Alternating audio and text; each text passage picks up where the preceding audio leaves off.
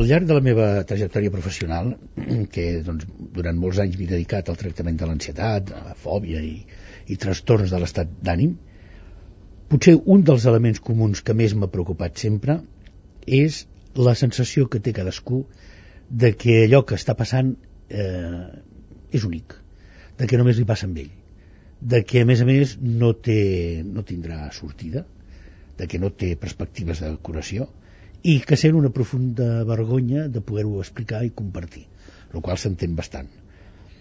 El que jo voldria transmetre sobretot és amb totes aquestes persones que pateixen que no pensin que, estan, que tenen la seva pròpia creu, sinó que hi ha una sortida. I aquesta sortida és una sortida normalment professional, quan tots els altres mecanismes més propers, més socials, familiars, no han pogut donar, doncs, o han donat tot el que podien i malgrat tot no se n'en surten, i que aquesta sortida és la combinació de l'utilització tècnica de la paraula i de substàncies bioquímiques que actuen sobre la neurotransmissió cerebral. Però que quedi ben clar que tant la paraula com aquestes substàncies tenen repercussions amb els circuits cerebrals. És a dir, avui en dia ja sabem, o hem pogut objectivar, que aquella separació entre cuerpo i mente famosa avui en dia ja no existeix.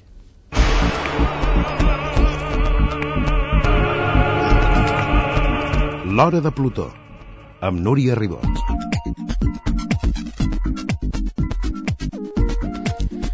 La por és una emoció universal. L'experimentem en un munt de situacions quotidianes. Ens permet advertir els senyals de perill i estar alerta. Per això és un dispositiu imprescindible per la supervivència. Però hi ha vegades que ens paralitza i apareixen l'ansietat, el pànic o les fòbies aparentment són pors absurdes, o potser és que darrere hi ha causes que no sabem veure. Avui, a l'hora de Plutó, n'explicarem una de por.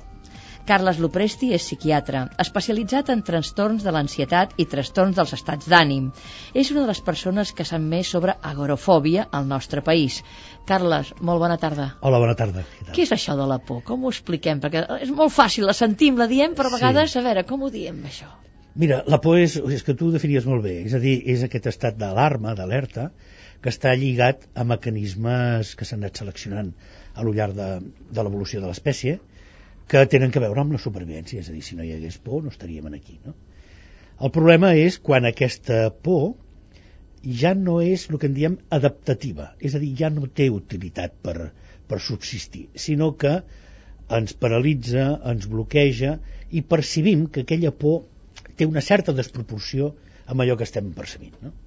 Bàsicament és això. I llavors, quan hi han conductes d'habitació, quan percibim que és desproporcionat, quan percibim que allò ens interfereix amb la nostra vida diària, en aquí és quan comencem a parlar de fòbia. Uh -huh. Hi ha pors innates, universals, o de vegades fins i tot les pors són producte de les experiències nostres?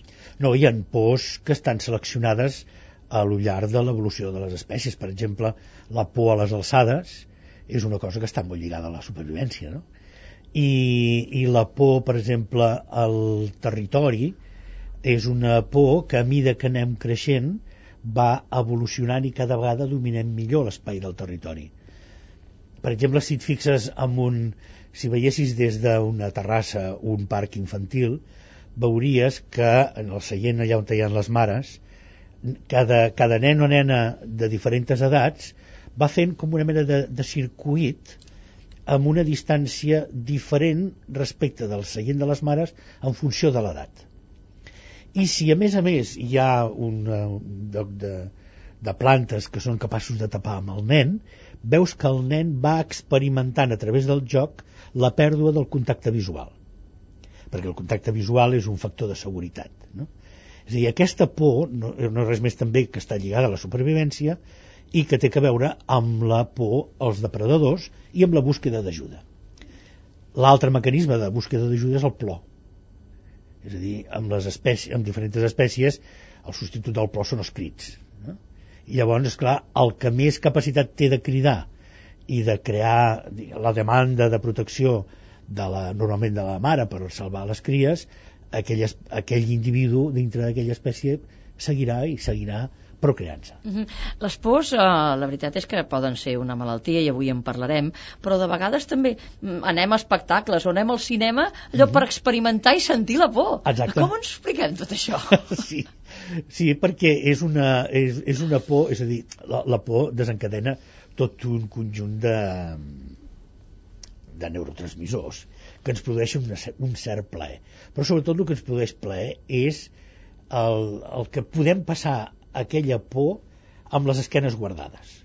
És a dir, per això tenen tant d'èxit la indústria de la por, és a dir, i el cinema n'és una n'és un exponent ben clar, no? És clar, tu pots experimentar por, però des de la tranquil·litat i la seguretat que et dona el silló del, del cinema. del cinema allà del tranquil·lament. Cinema. Saps que allò, aquelles escenes i tot allò, allò té data de caducitat, no? I que i anem a buscar emocions, és a dir, la indústria de les emocions és una indústria de primer, de primer ordre, no? el show business. No?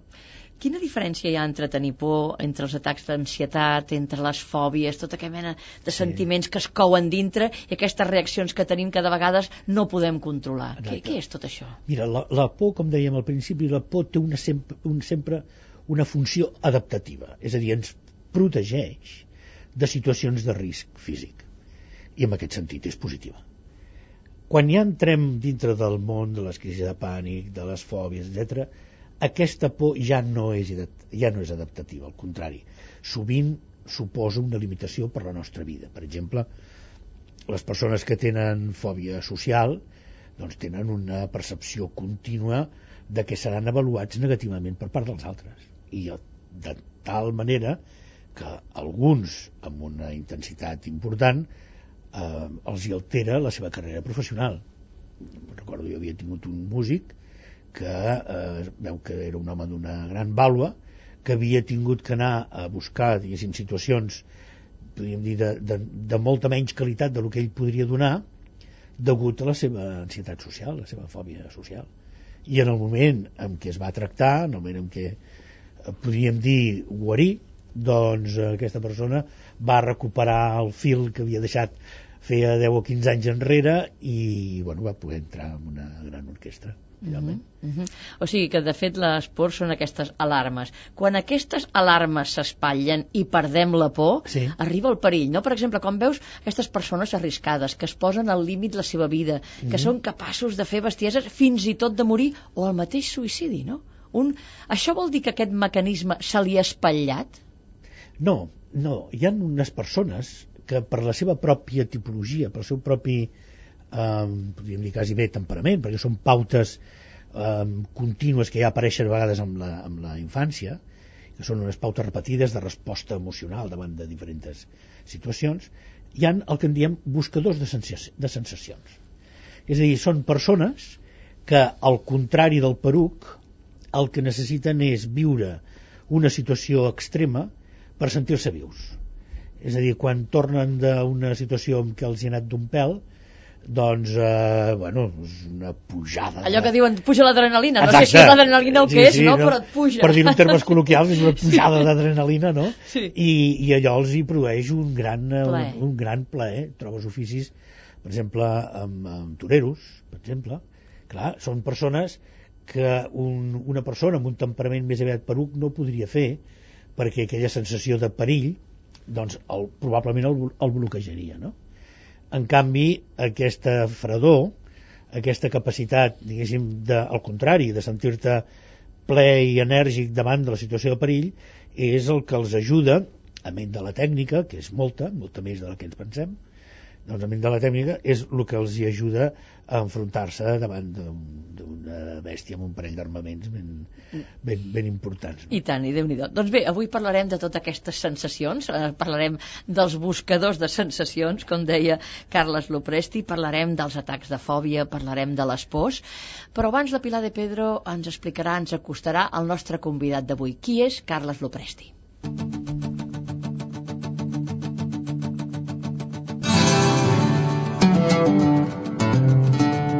Quan es va estrenar a Espanya Copycat, un thriller nord-americà que protagonitzava Sigourney Weaver, la Warner Bros. es va posar en contacte amb Carles Lupresti. Els estudis volien conèixer la seva opinió sobre el personatge que feia Sigourney Weaver, que tenia agorafòbia, trastorn sobre el qual n'és especialista. Per cert, que diu que la pel·lícula reprodueix molt bé la sensació d'una persona amb agorafòbia quan té una crisi, que es van assessorar bé. Carles Lupresti és metge psiquiatre especialitzat en trastorns de l'ansietat i de l'estat de l'ànim. Quan era estudiant dubtava entre la biologia i la medicina, però al final es va decantar per la medicina. Com que va estar treballant en un hospital psiquiàtric, s'hi va acabar especialitzant i com que va coincidir amb gent que tenia agorafòbia, es va començar a interessar per aquest trastorn. El nostre convidat ha publicat amb el doctor Ros Montalbán Pànico Agorafòbia i ha participat en l'organització dels tres primers congressos internacionals de psiquiatria sobre aquest trastorn. Carles Lupresti ha treballat a l'Institut de Psiquiatria Biològica de la Clínica Quirón de Barcelona. Ha estat professor convidat per fer cursos de postgrau a la Universitat Autònoma i ha col·laborat en diferents mitjans de comunicació. Actualment és responsable de psiquiatria del Centre Avant Mèdic de Lleida. Quan no treballa, al nostre convidat li agrada passar l'estona amb una bona lectura. També li agraden totes les activitats relacionades amb el mar, sobretot la vela, i li encanta la cuina. La seva especialitat, fideus rossos amb brou de peix. Un tret del seu caràcter és que és molt tossut, potser és influència del signe del zodíac, verge amb ascendent taure. El nostre convidat acostuma a passar les vacances a la costa i a partir de mitjans d'agost, quan ha passat tota la voràgine de l'estiu, fa un viatget. Un que té pendent i que farà quan en tingui l'oportunitat, al nord de Canadà. Han demanat a Carles Lupresti que ens recomani algun llibre que el tingui enganxat. Diu que li ha agradat el d'Esther Tusquets, Habíamos ganado la guerra, i també l'autobiografia de Leni Riefenstahl, una fotògrafa i cineasta trencadora polèmica per la seva relació amb el règim nazi. Finalment també hem demanat al nostre convidat que ens confessi si alguna vegada ha estat víctima d'alguna fòbia. I sí, li va passar quan va participar a La vida amb un xip, en Joaquim Maria Puyal. Diu que al començament li va entrar una mica de fòbia escènica, ja ens explicarà com ho va resoldre, que ell n'és l'especialista. Carles, encara te n'en recordes de les teves actuacions a la tele? en casa del herrero cuchillo de palo? Com va anar això? És que, a més a més, partia d'un error visual meu. És a dir, jo quan veia la vida un xip, jo em pensava que la taula que hi havia els invitats era, era més alta, no? Era una taula com aquesta, no? I, i quan vaig anar pues, clar, anava nerviós, la primera vegada que jo sortia a la televisió, en aquella època era un programa d'altíssima, d'altíssima audiència, no? I, i me'n recordo, em van acompanyar fins al lloc dels invitats, em fan, em fan seure, i quina és la meva sorpresa quan veig que la taula era baixíssima, era com d'aquestes taules de, de, de sala de sala d'estar, amb la qual la sensació de desprotecció va ser espectacular i recordo com em queien les gotes de suor per l'esquena de la, de, la, de, la, de la tensió, no? tot i que Joaquim es va portar excel·lentment amb mi, però, però bueno, esclar, era, bueno, vaig passar, vaig suar, eh? Vaig, vaig, suar, vaig suar. Però tu et devries fer ja la diagnosi al mateix moment i et podries aplicar alguna mena de solució, perquè sí, clar, sí, intentava si no respirar, tu... sí, sí, intentava, intentava controlar la respiració. Respira i calma. Respiració abdominal, calma, així, tranquil, que això, res, d'aquí una estona ja haurà passat. això és interessant, això, la protecció que has dit de la taula, no? El fet de tenir, sí, de tenir sí, o un faristol davant teu, oh, una tant, taula, o el tant. que sigui, no? Aquesta... Això és important, perquè un es troba, si no, com despullat, potser, sí, davant sí, de les sí, persones. Sí. Bueno, trobes, eh, diguéssim, la, la sensació de- d'observat eh, t'arriba directe, és a dir, és tota la teva gestualitat, eh, tot, tot complert, no? En canvi és molt més còmode estar allò Una només- taula que et Una veuen- taula, només que et veuen el busto parlant. Exacte, el busto parlante. Exacte. És molt més confortable, sí. Deixa'm, a veure, abans d'entrar a fons amb la conversa, uh, Pilar de Pedro ens explicava, bueno, deia el teu signe, verge amb ascendent taure. Una persona que normalment molta gent se n'enfum dels nostres convidats, sempre ho demanem i diuen, això és una tonteria, això no hi creiem. Però clar, algú que et digui, et digui l'ascendent, vol Sí. dir que si més no, algun interès té, i m'ha sobtat. Sí, eh, eh, això parlo ja fa molts, molts anys, eh, més, de, més de 30 anys quasi bé. I va haver una època que m'hi vaig, eh, per curiositat, m'hi vaig aficionar. I perquè a mi sempre m'ha quedat un dubte de que algun tipus d'influència tenia que haver-hi, coses d'aquestes. El que passa que em sembla que no li hem tret l'entrellat i s'ha fet més literatura, més que no pas eh, eh, potser estudis molt, molt rigorosos, no? Però jo penso que si els hi passa amb els alls, per què no ens hem de passar nosaltres, no? Si els alls no es poden plantar... És de pura sap- lògica. Clar, això ho sap qualsevol L'agricultura, pagès, els no? pagesos saben molt bé quan planten, Exacte. si hi ha lluna, el temps i tot això influeix, no? dir, el, el, els perruquers saben molt clar que tallar el cabell depèn de la lluna també és, també és diferent I, i sabem, això sí que ho sabem de, ben cert que els nos, el nostre organisme està ple de ritmes eh, lligats a diferents, a diferents coses lligat al segle de la llum i de la foscor lligat al segle lunar lligat al segle estacional és a dir, hi ha un trastorn un diem trastorn afectiu estacional que és el que té que veure amb les estacions que són de, de canvi entre les estacions pures, que seria l'estiu i l'hivern, per tant tardor i primavera. Um, el trastorn afectiu estacional està estudiadíssim que un dels tractaments més bons que hi han és la teràpia lumínica, o sigui, els, eh, està calculat inclús el número de lux per dia. Als Estats Units es venen una mena de làmperes eh, especials.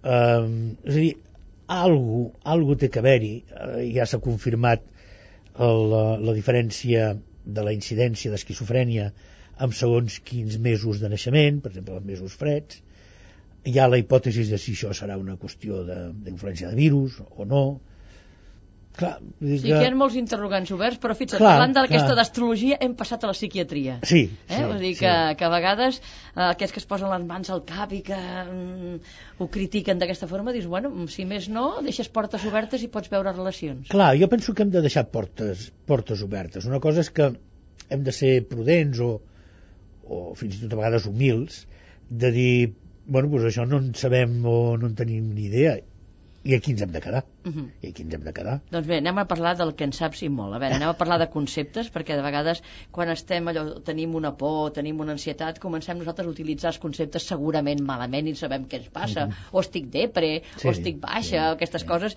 i ens agradaria, a veure, saber cada cosa el que significa. Què és l'ansietat? Mira, l'ansietat és un fenomen eh, universal, també una mica com la, com la por, que està relacionat amb l'alarma, amb la- amb l'alerta. La, I aquesta ansietat és una experiència que la patim i l'hem patit i la patirem tots amb diferents graus i amb diferents nivells. Tots hem sabut, tots hem passat, si recordem quan érem joves, aquell nus a l'estómac que se't Mm. posa abans dels exàmens, per exemple, no? O quan O quan t'enamores, o t'agrada un noi o una noia. Eh, que estàs esperant a veure si ve, si no ve, si em truca, si no em truca.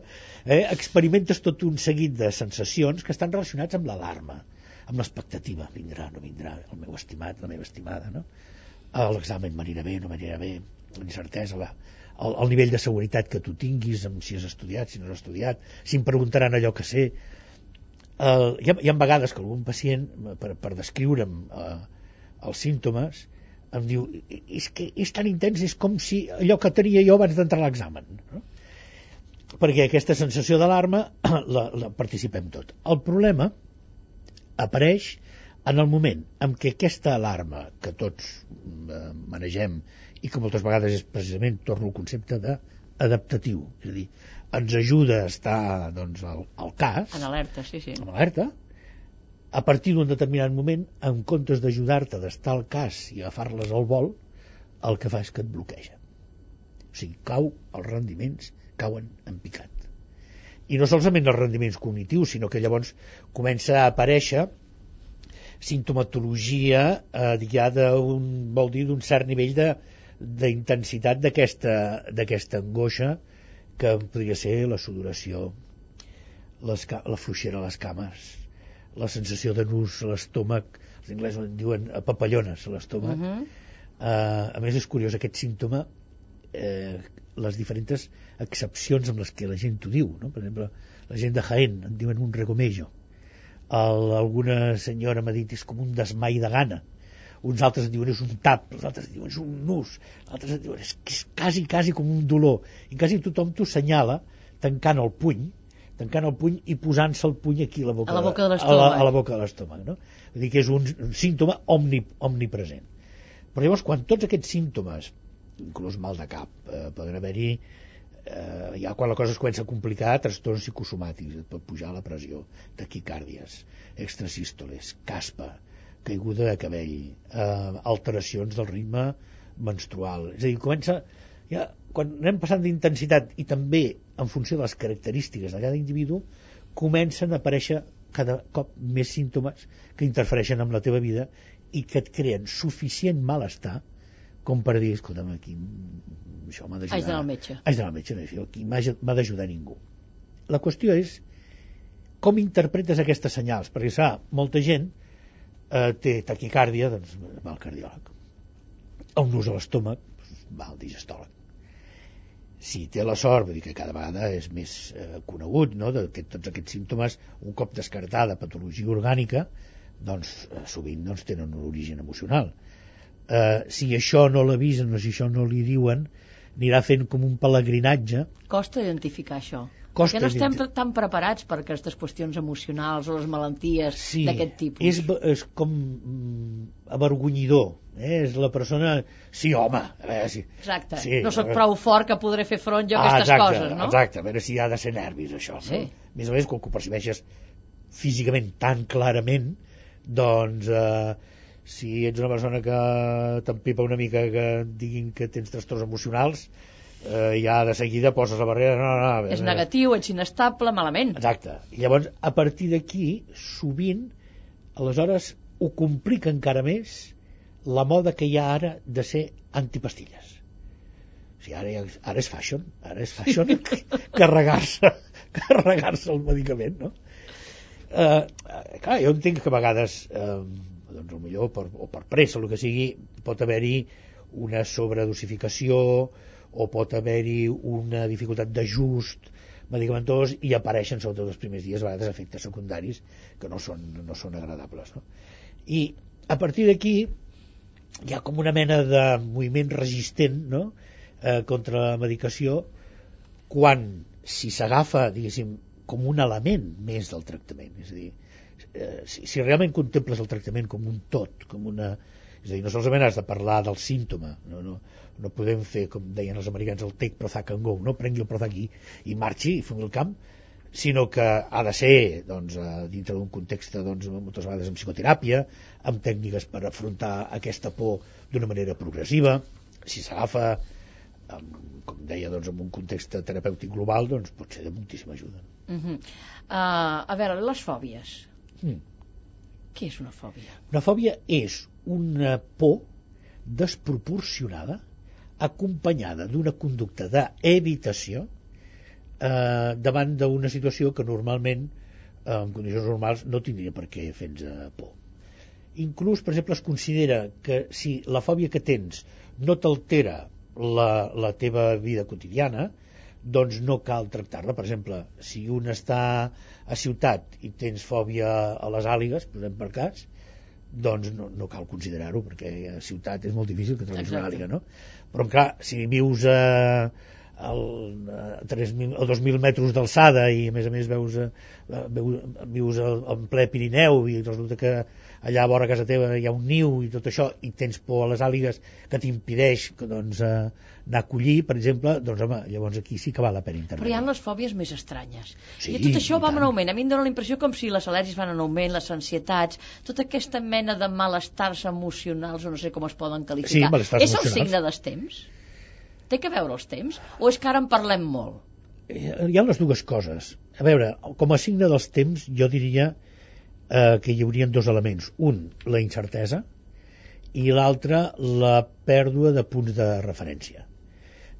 La combinació d'aquests dos elements, d'aquests dos elements, eh, causa, és, és motiu de, de, de, diguéssim, de, de malestar, de, de malestar. I amb algunes persones, si a més a més hi afegem situacions d'estrès i una certa predisposició i una certa que no t'han entrenat prou doncs, en fer front a, a l'adversitat, no t'han entrenat prou en fer front a la frustració, o sigui, comencem a, a barrejar en el, en el còctel i comencem a posar elements, doncs eh, podem entendre que hi hagi un increment de trastorns de l'estat d'ànim eh, i de l'ansietat, sobretot amb els últims 20-25 anys. Mhm. Continuem parlant d'aquests trastorns i també de les solucions, perquè no només hem de parlar així en negatiu, però abans escoltem una mica de música. Val. Has escollit Georgia, Sí. Georgia on my mind, and your Eh, mind, eh, yes. sí? Ray Charles.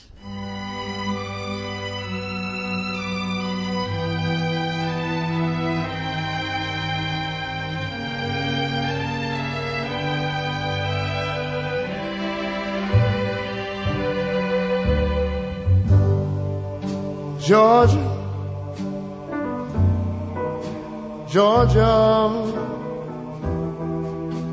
the whole day through. Just an old sweet song keeps Georgia on my mind.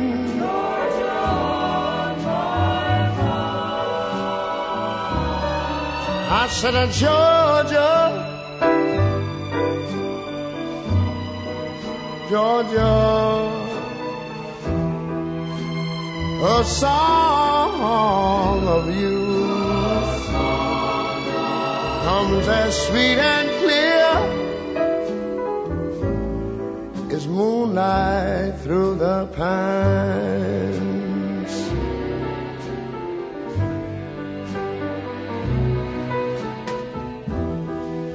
Other arms reach out to me. Other eyes smile tenderly. Still in the peaceful dreams I see the road leads back to you. I said, Georgia.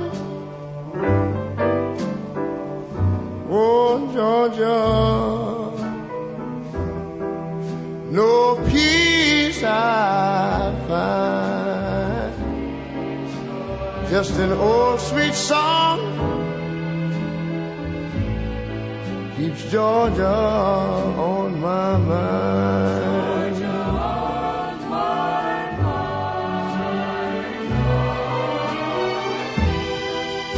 Other arms reach out to me.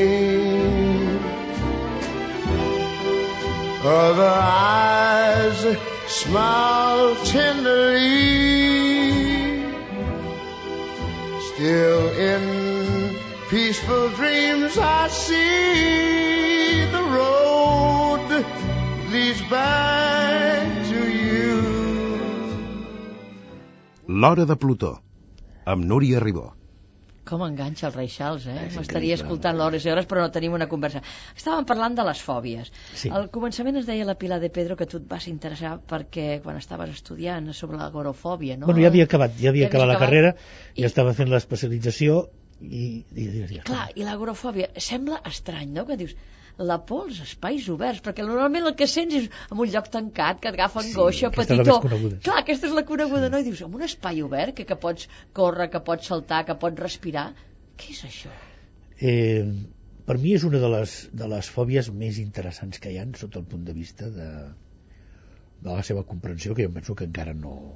És difícil no, entendre això, no la sí. tenim, no la tenim ben entesa, no? I jo penso que una de les de les disciplines potser que millor ens ajudarien a entendre l'agorafòbia hi ha, hi ha molta feina, s'està fent moltíssima feina a nivell de lo que és la circuiteria cerebral eh? això és, s'està fent una feina importantíssima però mm, a mi m'agradaria un marc una miqueta més global, més entenedor jo penso que una disciplina seria la etologia, la que estudia el comportament dels animals jo penso que gent que, que domini molt bé els primats, la primatologia, ens podrien donar, podria injectar saba amb aquest tipus de problema. I és, l'agrofòbia va molt més enllà que la fòbia als espais oberts.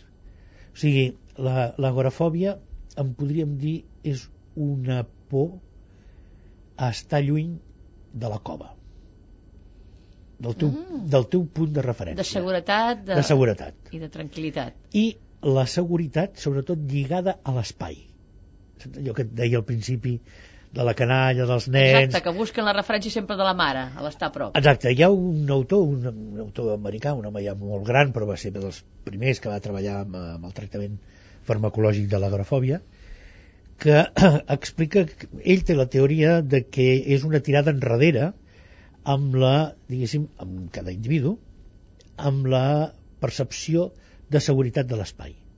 És a dir, la persona que té una agorafòbia, i ara farem, com tota la vida n'hi ha de lleus, n'hi ha de molt greus, però posem un cas mitjà, no?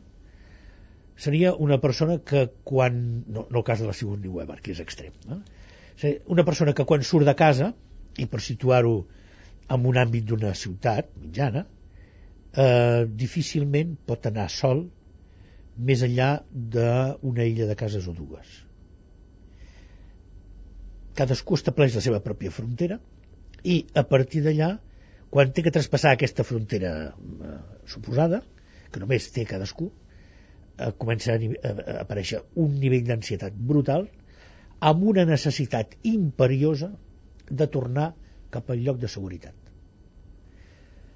I aleshores el pensament del, de la, la persona que pateix agrafòbia bàsicament són tres, tres ítems que a més a més cadascú se'l se vesteix al seu estil, no? però seria la por a de que si em passa alguna cosa, que normalment ha estat una crisi de pànic que he tingut, que ja en parlarem després, si em passa alguna cosa, qui m'ajuda? Que és la búsqueda del, eh, del, de, L'aixopluc. de, l'aixopluc del, del, de l'adult enfront dels depredadors, no? Si em passa alguna cosa, qui m'ajuda? Si em passa alguna cosa, per on m'escapo? Per on m'escapo? Són gent que estan en un restaurant i el primer que tenen controlat és els lavabos, que representa també com una via d'escape, i la, la sortida. I la sortida del restaurant. I l'altra és la por, diguéssim, a l'avaluació negativa o a la mostra de vulnerabilitat enfront dels altres. És vaya numeret que muntaré. Aquests són els tres pensaments fonamentals que té una persona amb agrofòbia. Tant és així, per exemple, van al cine i necessiten imperiosament estar a costat de passadís Per poder sortir. per poder sortir per cames. A prop de la sortida. Si és a davant de tot es posaran a primera fila, quasi bé. I si és la sortida és a darrere, doncs estarà a darrere de tot. Però fixa't lo curiós que si tenen que estar una cadira més enllà de distància de, de, de, perquè hi ha una altra persona tocant a passadís, la percepció de barrera que allò els hi suposa és extrema. Quan, teòricament doncs sabem que doncs, permet no? si tens que sortir, pas, tranquil·lament. i passes tranquil·lament, sí, sí, pues faltaria més passi, passi doncs ho percibeixen com una barrera eh, quasi bé insalvable i si té que haver-hi una altra persona en allà doncs no... I com es demostra tot aquest malestar? Què és el que els hi comença a passar a aquesta gent? I què és el que poden fer, sobretot? Normalment el primer malestar és que es troben que una cosa que abans la feien com aquell que res, que s'anaven de viatge, agafaven l'avió, agafaven el cotxe, s'anaven a peu de, de, de, a 3 hores de camí del que sigui sols, es troben que tot un plegat hi ha alguna que els tira enrere. Hi ha vegades que això comença solapadament i llavors això és el pitjor perquè no saps ben bé el que No ho passa identifiques. no ho identifiques, no és res escandalós eh, bueno, avui dec tenir el dia tonto i, i, i això se't va apoderant, apoderant un altre cas és quan comença amb una crisi de pànic, que llavors és molt espectacular, pràcticament avui tothom sap el que és una, una crisi de pànic, ho sap la gent, que això és molt important, que ho sàpiga la gent, perquè així s'autodirigeix cap al sistema expert, i també en els sistemes d'urgències pràcticament tothom sap el que és una, una crisi de pànic. Cosa Però molts pensen potser que és una cosa del cor, que allò que, Sí, sí, que un les- infart, o Sí, i tant, i que tant. et falta l'aire, no? I tant, i tant, una que de s'acosta pa- tant una cosa a l'altra. Sí, sí, la crisi de pànic sovint s'acompanya de, de la sensació de mort imminent. De dir, bueno, és que jo ara de- de- d'aquí no surto si no amb els peus per davant. Eh? I davant d'això què fem? Davant d'això el que s'ha de fer és anar a urgències.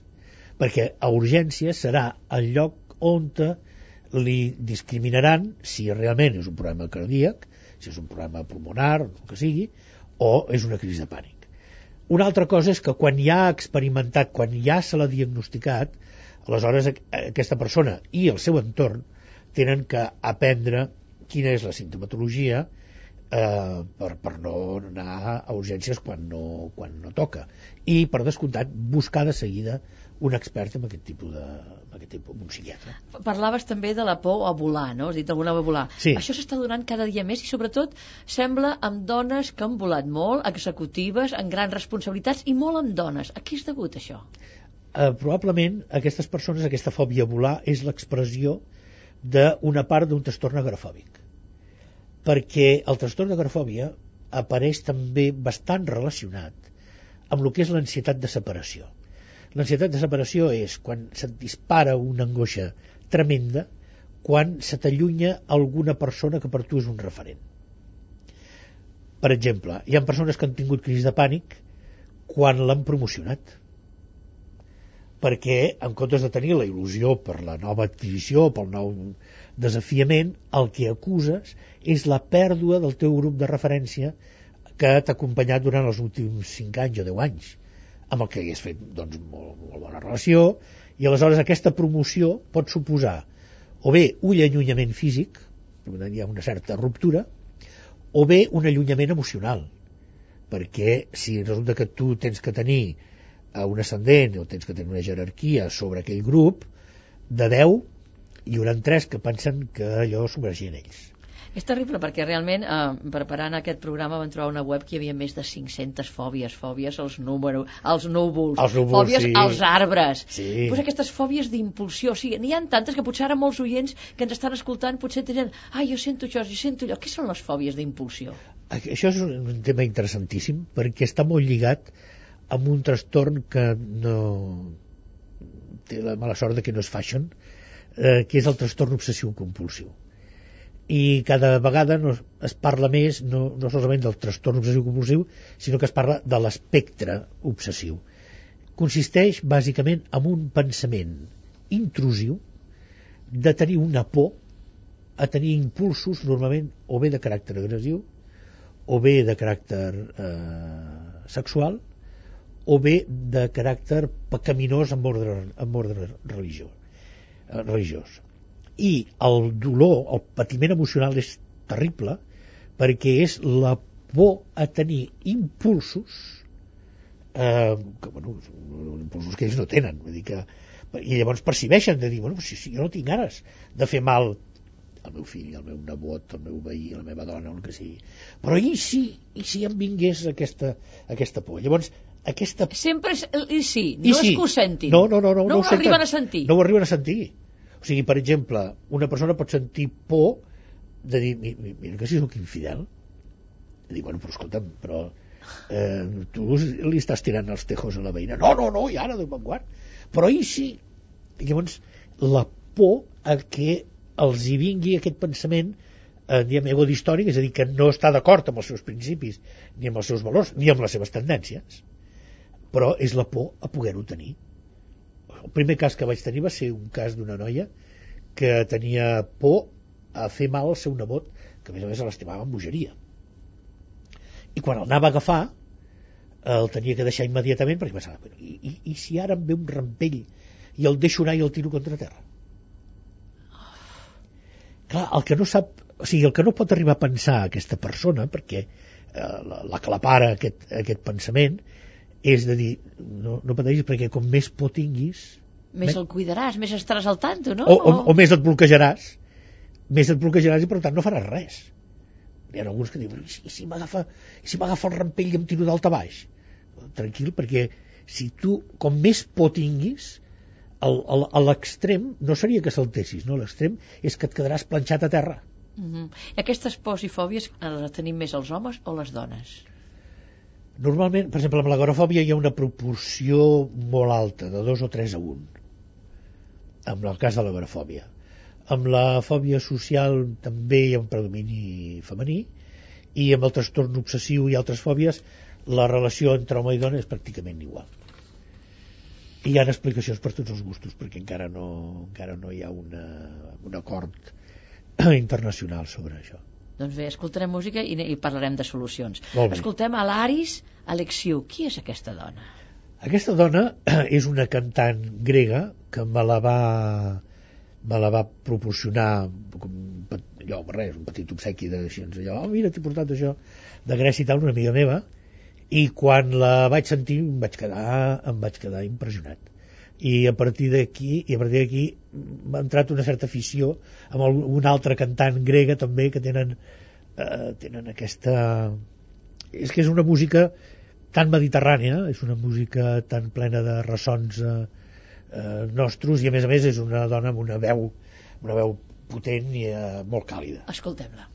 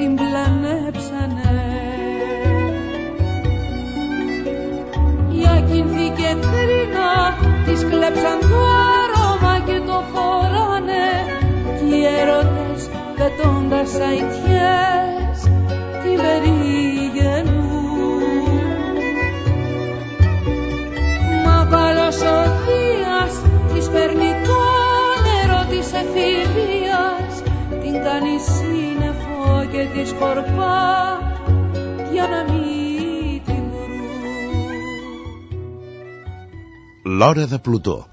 Dissabtes de 3 a 4 de la tarda. I avui en conversa amb Carles Lopresti, psiquiatre, estem parlant de les fòbies, de les pors. Però m'agradaria saber les causes. Les causes que són eh, l'estil de vida, són genètiques, són hereditàries... Hi ha una combinació de tot, però realment les causes genètiques són de primer ordre. I quan dic de primer ordre no vull dir que sigui una condemna ni que sigui absolutament determinant, però sí que suposa una gran, el que diem, vulnerabilitat davant de determinades circumstàncies. És a dir, la genètica dir que explica en gran part els fenòmens de les, de, sobretot de les fòbies complexes com seria l'agorafòbia i la fòbia social. I les solucions, perquè quan parlem sempre de l'àmbit de les malalties emocionals, mentals, jo crec que sembla la gran assignatura pendent encara, no? Vull dir, les solucions són efectives? Sí, Es- són efectives en gran número de casos. Avui en dia disposem d'arsenal terapèutic, tant sota el punt de vista de la utilització de la paraula, que serien tècniques psicològiques, com sota el punt de vista farmacològic, que és una llàstima que a vegades la gent no, pugui, no, no, no se'ls hi pugui transmetre el gran benefici que representa la utilització adequada i curosa dels, de, dels psicofàrmacs que són espectaculars moltes vegades. Perquè molta gent, amb el que deies abans, té tendència a anar a medicines alternatives i de vegades no se'n surt i finalment acaba amb la pastilla, tot i que dius que ara hi ha aquesta tendència a rebutjar sí. tot el que és pastilla, sí, no? Sí, no, home, a veure, ja està bé. És a dir, si, si un vol intentar, perquè no sap eh, si el, el seu cas és molt greu o no, és a dir, intentar-ho a través, diguéssim, de, de medicines del tipus que sigui, alternatives o no, eh, doncs, i si li funcionen, és fantàstic, no? El, el que hem de saber és que tampoc podem matar ni mosques a canonades, però tampoc podem matar elefants amb escopetes de tap, no? A veure, parlem de les crisis. Sempre se n'ha parlat de les crisis dels 40. Amb això no entrarem. Però, en canvi, n'hi ha una, una crisi que es diu madurescència, Sí, que afecta a aquests eh, homes, suposo que també dones, però majoritàriament sembla homes, Sí. entre els 40 i 50. I, a més, homes amb un perfil alt. Què és el que està passant? Què és això? És un, és un fenomen molt complex. Això, el, el Jordi Goula m'ho va, va, va donar-me l'oportunitat de conèixer-ho a través d'un article de la Harvard Business School i que era molt interessant i, i retratava aquest període de crisis d'aquestes persones que en un moment determinat eh, amb aquesta franja d'edat que deies són conscients de que aquelles expectatives que ells s'havien fet quan eren joves ja no els hi queda temps per realitzar-les i aleshores aquí s'han de buscar diferents, diferents estratègies perquè pot ser que ell no ha esmerçat suficient esforç pot ser que l'hagi esmerçat tot però que li han posat uns taps eh, pot ser que la seva empresa està en crisi no ell. Eh, és a dir, pot haver-hi moltíssimes causes que generen aquest, aquest període de, de gran intranquil·litat i no hem d'oblidar tampoc la, la moda pràcticament internacional de les jubilacions cada vegada més, eh, més, més properes no? més, Uh -huh. més, més aviat, amb la qual el temps aquell de recorregut per poder canviar, per poder arribar, per poder eh, jugar les teves, les teves cartes per arribar als objectius, doncs cada vegada és més curt, és a dir, perquè acabes la teva gran formació a 30 i pico i, i, i representa que és pràcticament només et queden 15 anys per arribar a director general, no? O, o, o, o, a, nivells molt alts dintre de la companyia. Sí, la veritat és que se'ls hi complica la vida, perquè quan realment estàs amb totes les expectatives, amb tot el que pot passar, i resulta que la gent de 30 anys és el que està apretant, és el signe dels temps. Per tant, això té una difícil solució, perquè aquesta gent amb 45-50 anys, com tu dius, estan ja a la porta mirant la sortida, o els fan mirant la sortida. Sí, sí. Per tant, aquí la solució per on passa?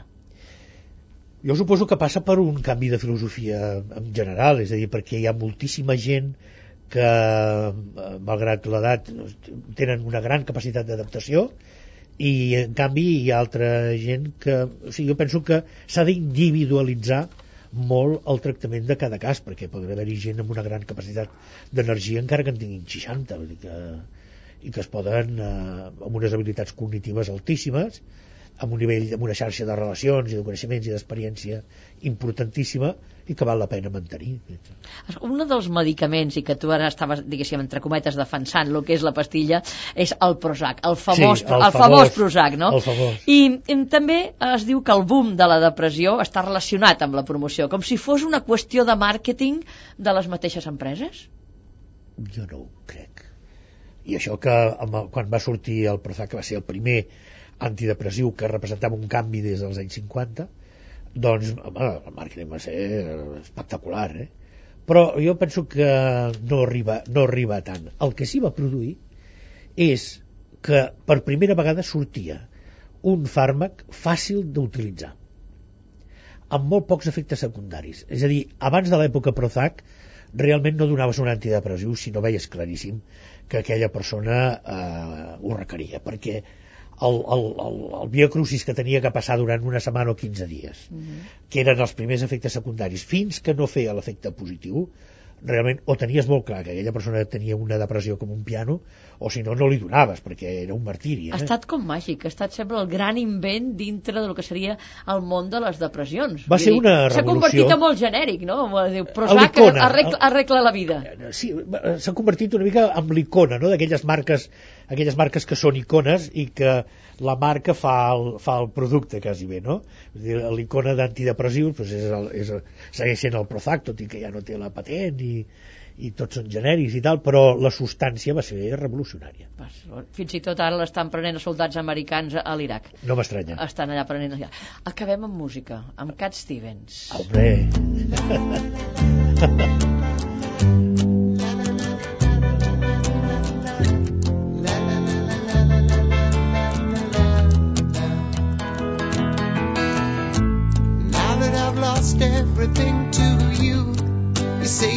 start something new, and it's breaking my heart you're leaving. Evidentment és un món salvatge, eh? sí, És sí, un món salvatge. sí, bastant, bastant perquè no ens estan portant per bon camí, no? Gràcies, Carles. Gràcies a ha tu, estat un Núria. plaer. Igualment. Posem el punt final aquí a la nostra conversa d'avui.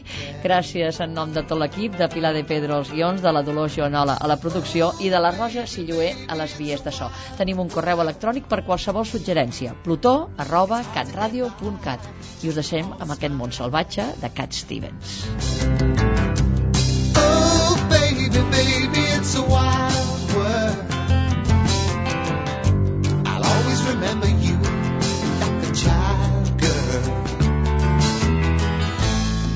I've seen a lot of what the world can do, and it's breaking my heart in two. Because I never want to see you sad, girl.